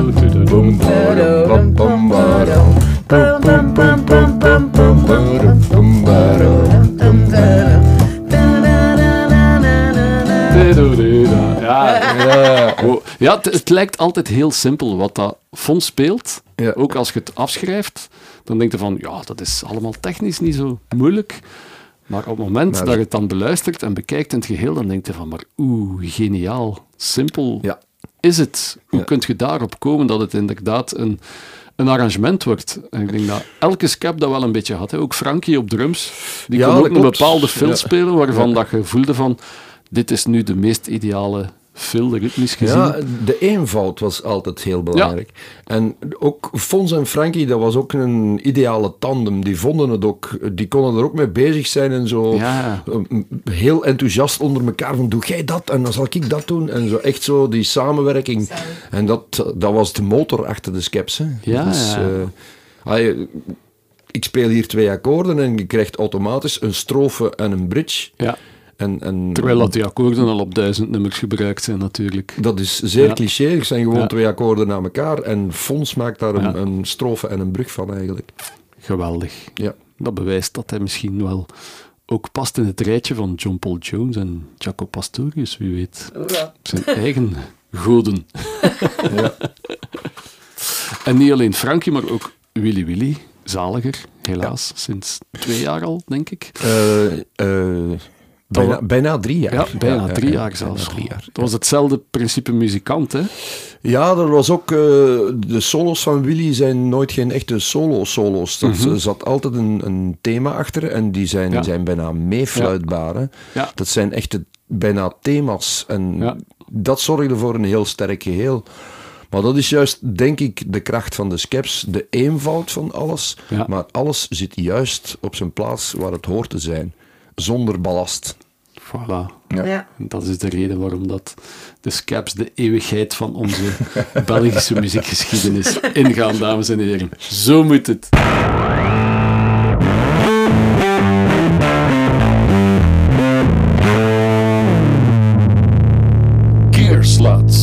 Materiaal. In elke sector zijn er eh, gearsluts. En ik weet niet of dat we Fons een gearslut mogen noemen, maar hij had in elk geval een ongelooflijke herkenbare sound. En sound zit natuurlijk in de vingers. Ja. Want ik denk, elke basgitaar waar dat ik Fons heb op zien spelen, hoorde ik toch altijd dat het Fons was. Ja. Ja. Eh, maar hij had waarschijnlijk wel zijn trucken en zijn favorieten binnen zijn arsenaal. Ik, Ja. denk, ik denk dat eh, vooral ook de Ampeg-versterker eh, Ja, die maakte zeer, echt eh, zeer eh, bepalend is voor de sound van Ja. Fons. Yes. Ja. Ja. de drukzettende, soms reggae misma... Ja, ja, ja. dat lage een tonen. enorme plaats in. hè. Zo'n Ja, Ampeg-versterker, dat is, die cabinet, dat waren, dat waren acht speakers. Of, ja, Het zal acht, 8 keer 12 geweest zijn. ja, acht keer twaalf. Ja. En dan, ja, dan moest de S, wat, was het? SVT. SVT. Een SVT uit eh, die tijd, denk ik, als ik het goed heb, ik weet het niet meer zeker, die hij overgekocht heeft van TC Matic. Dat kan, ja. Ah, Eh, van verre balen. Ja, eh, in 78 of zoiets. Wauw. Dus dat, dat ding sleurt hij al. Heeft, allee, sleurde, heeft hij vrij lang meegesleurd. Zelfs toen dat ik met mijn vader speelde in mini-cafés. Ja. Altijd de kerncentrale Man, mee. my god man, hè, dat was, dat was ook, die, die, die, eh, die speakerkast was ook helemaal met aluminium afgezet. En de rollies hebben daar echt op gezweet, hè, want dat was niet licht. Hè. Dat is, ja. eh, ja, ja, ja, ja. Ja. Echt ongelooflijk. Maar dat was zeer bepalend voor zijn sound. Hè. Dat was, eh, dat was ja. En die verstekker is er nog altijd? Ja, ja, ja, die, die staat... De allee, die staat leeft nog. Ja, maar die staat... eh, die wordt binnenkort naar mij overgebracht, omdat ik dan verhuis naar een huis waar dat, dat, dat past. Maar die staat in een loods voor het moment. Omdat er... ah ja, dat is, dat is ook echt... Ja. Allee, zet dat hier in uw, in uw ruimte. eh, dat, dat pakt al direct. Dat eh, Ja. ja, dat Alles, is gewoon gevuld. Maar... eh, ehm, die is er nog altijd. En, maar dat is, en dat is ook de enige versterker die het zo wat eigenlijk heeft overleefd. Want hij, hij had vroeger ook een Music Man. Ja. Allee, ik heb zo Mhm. wat foto's. Allee, ik heb hem daar nooit over weten praten. Misschien wou hij dat ook niet dat Hij was niet zo'n bassist die constant over materiaal bezig was.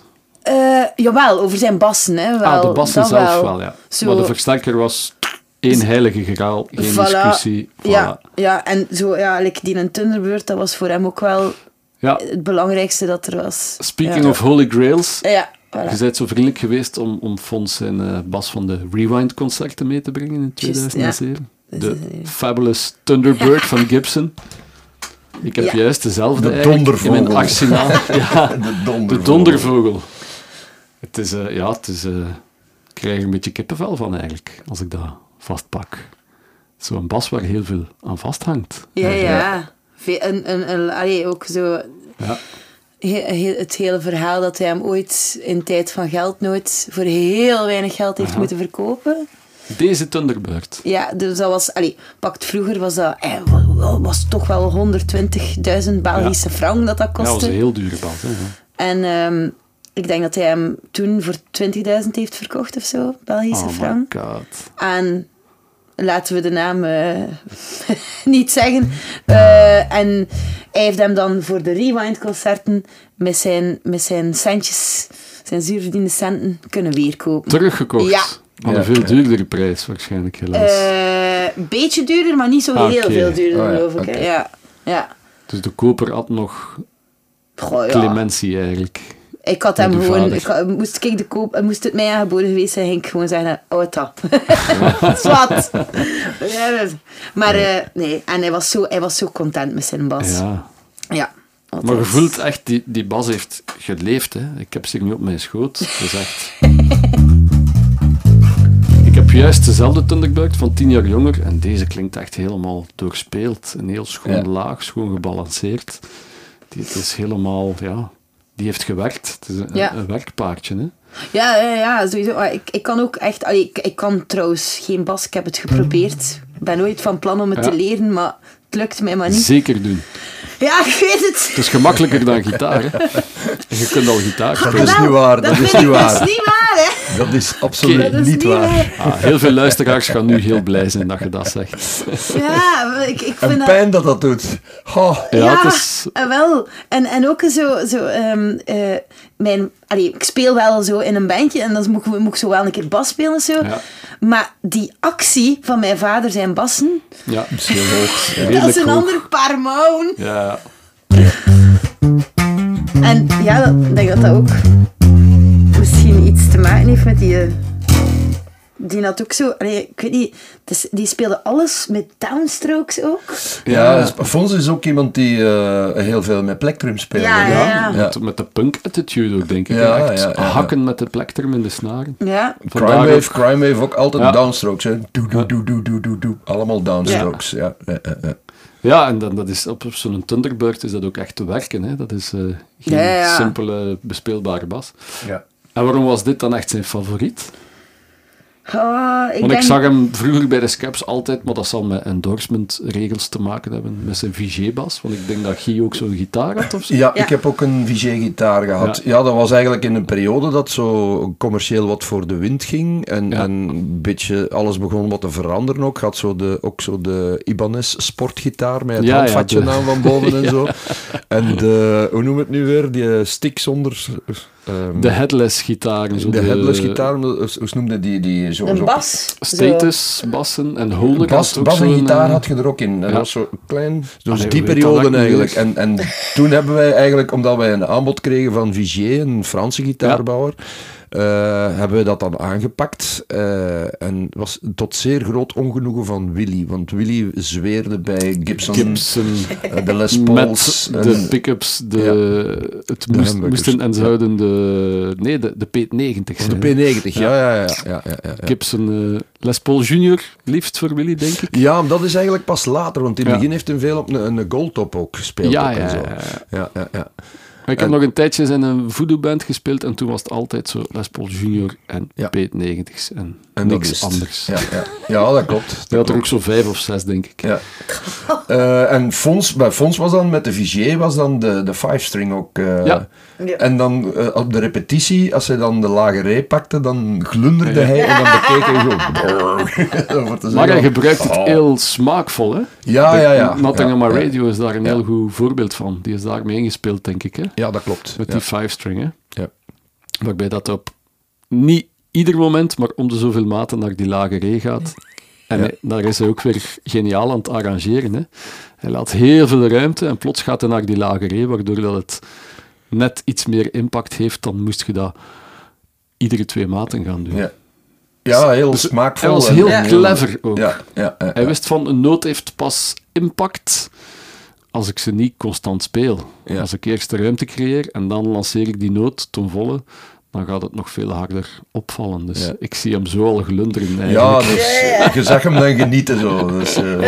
er bestaat ook zo een filmpje, ik heb het overlaatst ik heb het een keer gevonden de skeps op de twee meter sessies. Ja, bij Jan Douwe ja, ja, ja, uh, die Rocking in the Free World speelde. Maar ja, aan mijn vader konden wel zien dat hij in Nederland was, bezig. en je ziet hem, zo, ziet hem zo spelen en zo. Hij is aan het gaan en het gaan. En op het einde van het nummer doet hij zo een lik. En zo, hij ze, film, ze zetten echt zo de camera op zijn kop en hij speelt zo dat likje. En, en zo, hij had dat likje gespeeld en zo... de, de, smile tot achter zijn oren. En het geeft, en het geeft. Maar ja... Maar hij kan wel doseren, hè? Ja, ja, ja, zeker, zeker. Dat is iets wat veel bassisten niet kunnen, denk ik. Nee, wel, het is, ja, denk, het is daarmee dat dat, like dat Guy ook zegt, zo, muzikanten en al, dat dat, oh sorry, dat dat vrij uh, belangrijk is. Allee, muziek gewoon in het algemeen vrij belangrijk is. En ja, gear ook wel. Maar het is wat mhm. dat, voor mijn vader is, is het van, was het altijd van, ja, kunt jij zoveel bassen Ja, ja. Maar het is wat dat ermee doet. Ja, en wat dat erop speelt. ja, als jij maar ook het, het, enthousiasme van hem ook zo van als we bijvoorbeeld aan nieuwe mhm. nummers bezig waren. Ja. Hij was echt met die partijen bezig en dan deden wij, wij deden ellenlange repetities. Hè. Dat was, wij begonnen om een uur of elf s morgens en wij stopten om acht, negen uur s avonds. Dus dat zijn echt ja, ellenlange repetities en constant aan nieuwe nummers aan het werken. Had je tussendoor ook wel een hapje eten, maar dat was echt rap iets eten en verder doen. En dan, ja, je werd dan doodmoe. En dan kreeg je om, om, om één uur s'nachts telefoon van Fons. Uh, via te de telefoons. Telefoons. uh, via de vaste lijn. En dan... Uh, ja, Gigi, luister een keer, luister een keer. Ik heb iets wijs gevonden. En dan ja, speelde hij iets voor van een nummer waar je dan overdag aan bezig was. En dan... Uh, hij was altijd bezig met, met... Altijd bezig met muziek. Te zoeken naar wat is nu het beste voor, voor dat nummer. Ja. ja. Fantastisch. Daarmee komen we al bij een hoop goede raad.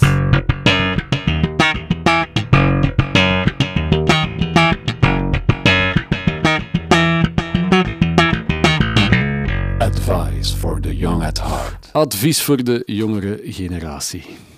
Fons mag hier misschien niet meer zijn, maar hij blijft toch wel uh, zijn stempel drukken. En ik vroeg mij af, uh, wat zou Fons nu eigenlijk als goede raad meegeven aan de jonge gasten die willen bassen? Ik denk spelen, spelen en nog eens spelen. Dat ja. is, iets, dat is iets wat hij zelf ook deed, ja. ja. Doen, doen, doen. Ja. ja. Heel veel oefenen. Hè. Klinkt het niet, dan botst het. En veel luisteren ook naar muziek ook. Hè. Dat was ook iets dat hij heel veel deed. Hè. Fons was ook iemand... Uh, uh, die, ook niet, die ook naar nieuwe dingen luisterde. Hè. Als er zo nieuwe trends uh, op ons afkwamen of zo, hij was, stond daar altijd voor open. Dus hij was daar altijd mee bezig. Ja, ik herinner me dat ik zo de tijd van MySpace, begin de jaren 2000. Ja. En Fons had dan ook een MySpace op een ander. Of uw, mama zal dat waarschijnlijk wel geregeld hebben. IT nee, dat was ik. Ah, ja, en daar stond de nummer van de Killers op, dat ik ook fantastisch vond. En ik dacht, ja, tuurlijk, het is met een Thunderbird ingespeeld. Ah, ja, dus- ja, ja, ja, ja. de Killers was toch, ah, is toch ook al halverwege de jaren 2000 of zo dat dat pas uitkwam. dacht ik van, oh, die is nog altijd mee met... Uh, met, met de nieuwe lichting eigenlijk. Ja, maar ja, dat is, dat is Fonds op een festival, dat was bandjes checken, bandjes checken, bandjes checken. En pintjes drinken. Ja, ja. en je amuseren. Beetje Luc de Vos-principe van altijd getiketakt zijn om toch weer het nieuwe groepje te gaan bekijken. Ja. Pintje te drinken en te genieten van... Uh... Ja, ja, zeker. Hij bleef altijd verwonderd over wat, wat nieuws kan er nu weer uit muziek voortkomen. Ja. Was dat zijn drijfveer eigenlijk? Ja, sowieso. Wel altijd vrij... Eh, het was... He was not so easy to impress of zo. Ja. Ja. Allee. ja, want hij had ook wel bepaalde bands dat hij zei van dat vind ik nu echt niks. Hè. Dus, Nirvana, dus dat, was... dat vond hij verschrikkelijk. Mensen die hun instrumenten kapot slaan. Ja, ja, ja. ja, ja, ja, ja. Of, ja, dan kwam ik later met Sonic Youth af. Oh, Artifarty, hè? Artie. Ja. dat, was, dat was... Nee, dat vond hij, vond dat echt niet. Hè. Een van de, van, de, van de dingen dat, dat ik nog goed weet, dat hij zo ontdekt had, dat hij geweldig vond. En dat hij... Uh, was uh, Eagle Cherry. Ja, ja, ja. En... Het uh, tenenkrullende Save Tonight. Maar, maar hij had die plaat, hè. Hij had die plaat, hè. Ja? ja, hij had die plaat gekocht. En dan, en dan speelde hij op Torhout. En dat was, uh, die, die een organisator daarvan stuurde ons elk jaar nog gratis tickets. Mm niet van Werchter, weliswaar, van Torhout. Ja, ja. en, uh, Noël Steen. Ja, voilà. en die was altijd super, allee, super enthousiast van, van Fons te zien. En dan had ik een gebroken been. En dan had hij all areas passen gefixt. En dan zei hij van, ah Zoetke, huurt dat ook, Gern, hè? Uh, Eagle Cherry? Kom, we gaan een keer gaan kijken. En dan heeft hij daar heel navond met Eagle Cherry staan klappen en ik zat daar in mijn rolstoel. Ja, dat is, dat is typisch voor Fons ook. We hebben met de Skeps ook uh, ooit het voorprogramma eh, gedaan van Lenny Kravitz. Oh ja. Oké. En uh, ja, die werd zo toch wel een beetje afgeschermd. Uh, dus wij doen het voorprogramma. En uh, een beetje daarna moet Lenny Kravitz opgaan of zo. En Fons was plotseling verdwenen. En wat bleek, Fons was gewoon, had gewoon zijn stoute schoenen aangetrokken. En op de deur bij Lenny Kravitz gaan kloppen. En bij Lenny Kravitz in de kleedkamer een jointje liggen blowen op het gemak van Lenny Kravitz. Ja. Oké. Gewoon, uh... Ja, gewoon. Dat was voor Fons was dat gewoon. Iemand anders die denkt van nee, ik, ik blijf daar weg, ik ga dat niet doen. Ja, ja.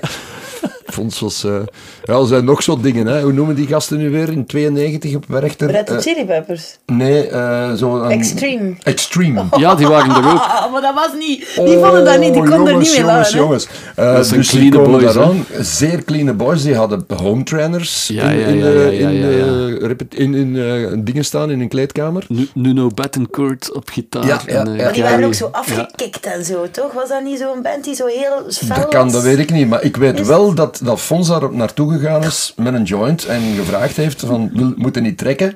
En dat uh, daarna de backstage gewoon vol, uh, vol liep met uh, bodyguards en dat die gasten van Extreme allemaal bodyguards bij hadden ineens. Ja. Dankzij Fons. Oh Andersom was het dan ook wel weer uh, dat de, de Rodis van de Smashing Pumpkins, dat waren meteen ook zeer goede vrienden. Om, ah, ja, dezelfde ja, ja, reden. Oh ja, die waren daar in alle stress verzeild, denk ik, Smashing Pumpkins. Want die kwamen Pearl Jam vervangen. Dat klopt, dat klopt, ja. Het Roskilde-incident van 92, ja. Ja, Was dat, toen? Ja. Oh my. Shit. Allee, oh, dus de Bruggenbouwer Fons had zo zijn middelen om iedereen te overtuigen. om het ijs te breken. Hij heeft ooit zo kaartjes laten maken, weet je dat nog? Visitekaartjes. Van Serafijn Pons. Wonen, wacht, Serafijn Pons, ehm, gebruiker en verdeler van het goed gerief, wonende, wonende te Poederlee.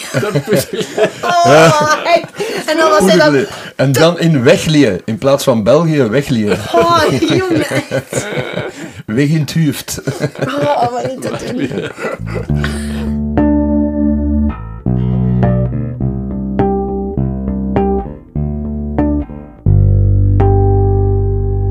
Famous Last Notes. Na een lange slepende ziekte, helaas, uh, overleed Fons al op 58-jarige leeftijd. Meer bepaald op 18 juli 2013.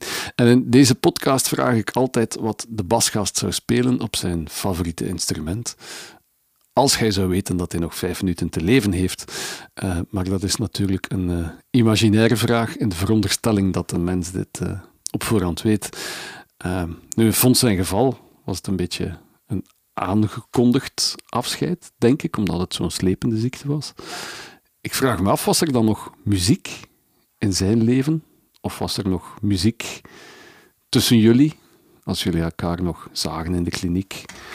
Sorry. Ja, als ja, ja, ja. bezoeken? Ja. Heel veel Raikouder geluisterd. Ja? Ja. Oh, wow. Heel veel, ja. ja. Wauw.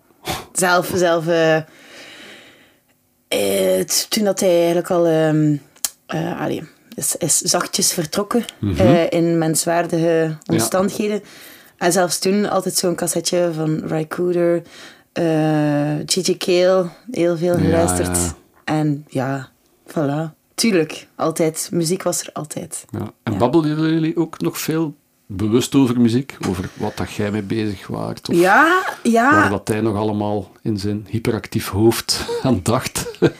ik, weet nog, ik weet nog dat, dat, dat ik toen dat mijn eerste, allez, zo mijn eerste EP'tje, ja, gewoon zo ay, visitekaartje zo'n mm -hmm. beetje, hè, om te kunnen afgeven. En, ehm, eh, hier had opgenomen. En hij zo, allee, maar zet dat een keer op. En ik durfde niet zo goed, omdat mijn vader nogal streng was. En uh, zo, en hij, hij zei van, ja, echt de moeite, zei het dan. En dat was, allee, dat was al veel uh, dat, hij dat zei. Ja. En, en, allee, um, en voor de rest, ja, wij, wel, we praten veel over muziek, maar weet je, um, zijn, hoe zieker dat hij was, fysiek, ja. hoe, ja, dan was gewoon herinneringen ophalen en, Tuurlijk, en, en de, gewoon de dingen die dicht over, bij u staan. Ja, ja tof, allee, tuurlijk. fijne momenten. En uh, ja. ja. Ja, dat vooral. En af en toe, ja... Ah, we gaan dan nog een keer tupen spelen, hè. Ja, ja, ja. ja, ja. voilà. wow. ja dat was het schrijnende, hè, dat je zo moest... Uh, er hem telkens ook aan herinneren, omdat hij... Ja. Allee, toen met zijn geest niet meer de vervaging van uh, die vervaging, en ja. dat was wel echt heel, heel zwaar, vond ik, ja. Ja, ja. Ja, het lijkt me ook heel moeilijk filosofisch acceptabel hey, van jullie kant. Ja. Als je dan bij Fons bent en beseft van, hm, misschien weet hij al de helft niet meer van wat dat wij allemaal beleefd hebben. Dat, dat lijkt wel, mij het hè? moeilijke. Ja, Dat- het was eigenlijk verhaal. vooral recentere dingen, hè, korte termijn. Korte termijn. Ah, ja, ja, ja. Korsakoff is, is korte termijn geheugenverlies. En, en het, is geen, het was geen Alzheimer of zo. Allee, Alzheimer is echt, allee, dat, Ja. dat, dat is mij. Maar eh, nee, nee, eigenlijk van wat dat jullie gedaan hebben. Nee, want hij wist, hij wist dikwijls veel meer dan dat ik nog weet. Oké. Fons, was ook iemand eh, die, die dan zei van, weet je niet meer, we hebben daar gespeeld. Ik zeg, ik zou het niet meer weten. Ja, want we hebben daar toen dag gegeten. En Ja, ja, ja, ja. Hij, wist, hij wist de menu zelfs dikwijls nog. Ja. Ja, ja, ja, ja. Maar dat geeft ook, allee, dat laat ook zien hoe graag dat hij optrad. En hoe graag dat hij speelde. Hij, hij wist ook al die dingen. Terwijl het op een bepaald moment was bij de Skeps ook, ja, het een optreden achter het ander. En ja, je kunt er niet buiten. Op een bepaald moment wordt dat een beetje een Ja, routine. routine, ja. en, en weet je nog amper op welk podium dat je gestaan hebt. Tuurlijk. Maar voor hem niet. Voor Nee. hem, eh, hij wist dat allemaal nog en met de menu in kluis. Ja. Dat is teken dat hij, het heel intensief beleefd heeft, denk ik. Ja, Ja, ja, ja, ja. zeker en vast. Ja, Ik denk dat hij een heel mooi leven gehad heeft, eigenlijk. ja ik, denk, ik denk dat... Oké, allee, dat is misschien dus ook wel een beetje een troost voor, dat ik aan mijzelf geef of zo. Of, Ja. of aan, aan hem of zo. Maar hij is maar 58 geworden. Maar verdorie, die heeft Ja. wel geleefd. Die heeft voor tien geleefd, hè? Allee. Oh, man, ja, ja, ja, ja, ja. Ja, maar en dan, dat bedoel ik niet alleen zo'n verwijzing naar, naar drugs of zelfs Nee, zo gewoon. Maar gewoon plezier maken Ja. en gaan, dat was, Fons was, ja, dat was tegen honderden uur. Dat was volle gaas. Ja, ja, ja. Ja, en je zag iedereen zo graag. Dat voelde wel, hè? Ja, iedereen zag, allee, iedereen zag altijd van, ja, we zagen hem graag, maar hij zag oprecht echt... Ja. Allee, rij niet... Je mocht, ja, eigenlijk, je mocht zelf tegen zijn kar rijden. Hij ging u, Ja. als, hij u nog vergeven, hè. Ja, ja, ja. Allee, hij heeft zo... Andersom was dat ook, je kon op Fons niet kwaad blijven. Dat Nee, niet. voilà. Ik- Hij heeft, hij heeft ook een aantal dingen gedaan dat echt niet door de beugel konden. Alleen binnen de groep dan. En ik kon er verschrikkelijk kwaad voor zijn, maar je kon er niet Ja. kwaad op blijven. Omdat dat was nooit met een bedoeling. Nee. Ja. Fons, Fons deed stommiteiten omwille van een of andere factor, maar dat was nooit kwaad opzet. Nooit. Ja, ja, ja. Hij was zeer goedhartig. Ja. En wat denk je, had hij nu nog geleefd en hij zat hier als pasgast bij mij, zonder jullie? Ik, Wa- Wat zou hij dan spelen Ik als, vind dat een als zeer- famous last notes? Ja, ik vind dat een zeer moeilijke beslissing, want, want ah, we hebben het daarnet al gehad over Nothing on My Radio, over You Don't Need a Woman. Fons was een, een, een- eigenlijk een arrangeur in zijn Ja. bas eh, spelen en in, zijn, in, in de, de, de, de baslijnen die hij uitvond. Ja. En ik denk dat een heel mooi stukje zou zijn eh, dingen Can't Call Me Yours. Omdat Ja. hij daar in de brug, in de tweede brug speelt hij zoiets ineens met zeer hoge noten Ja. dat eigenlijk zeer melodieus klinkt onder de zang. En het, het loopt nergens ook de zang in de weg, hetgeen dat niet evident is. Het is pure Paul McCartney in mijn ogen. Het is, eh, als ik, Ah, het, ja, kijk, Oh, voilà. ik heb het wat bestudeerd, ik heb het ook helemaal afgeschreven. Ja, ja, ja. Ik denk, moest hij hier zitten en hij zet dat door, dan zei Dat hij zei... Wow, nee, wow. Nee, hij, was, hij was geen een Beatles-fan. zalig, zalig, zalig, John Lennon wel. Nee, dat is ook het moment geweest, uh, allee, uh, hetgeen dat ik daar straks kwam te vertellen, dat hij mij om één uur s'nachts na een, ja. een, een, repetitie opbelde. En dat ik dan was daar weer, zo ja. zuchtte, zo van om één uur s'nachts telefoon. Ja, je denkt natuurlijk meteen het ergste en je ja. staat op uit je bed, doodmoe. En dan is dat een dol enthousiaste vond. Luister een keer, luister een keer. En hij speelde dat dan voor, maar ja, ik kon er moeilijk iets van maken. Je hoorde ergens een, cassette, een cassette recorder op de achtergrond spelen en zo boem, boem, boem, boem, boem, zo een beetje basgepluk daarbij. En het eerste dat hij dan Sanderendaags deed was van, zeg, speelt dat nummer van gisteren nog eens eerst, voordat we aan het volgende beginnen. En dan speelde hij dat. En dan, ja, inderdaad, moest je meteen toegeven van, dus geniaal, een geniale baslijn. Hè. Ja. ja. Oké, dan stel ik voor uh, dat... Uh... Fons als basgast, waar dat hij nu ook is, uh, hier vandaag het laatste woord krijgt bij monden van uh, de versie die wij met ons drie gaan uh, samenspelen in de hoop zijn geniale baslijn, want dat is het, op Can't Call Me Yours alle eer aan te doen. Op zijn eigenste geliefde Gibson dondervogel bas. dus deze keer bij deze aflevering gaan we geen outro doen. Geen jingle aan het eind van de episode, maar we laten gewoon Fons en Bas lekker lang uitklinken in de hoop dat hij nog uh, talloze generaties uh, ja, kan beïnvloeden. Ik hoop echt oprecht dat iedereen zijn erfenis blijft beluisteren en er inspiratie kan uitputten. Voilà. En niet alleen uit zijn muziek, want het moet een ongelooflijk wijze mens geweest zijn als ik dat hier allemaal overschouw wat we vandaag besproken hebben. Dus Fons, wherever you are, het gaat je goed. En uh, Sessa, het gaat wij zijn. Hè. Baseman is gone, but, but he's not, not forgotten. forgotten. Voilà.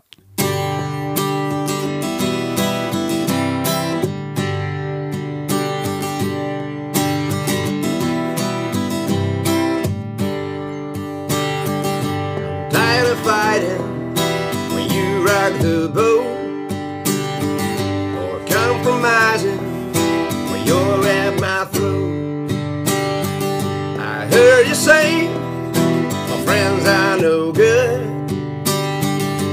say I'm lying, I'm misunderstood.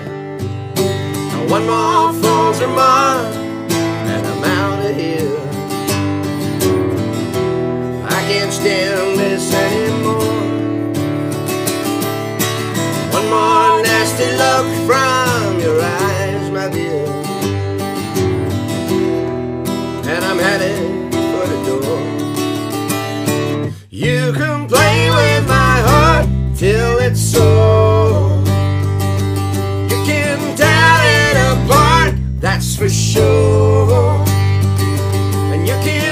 Still.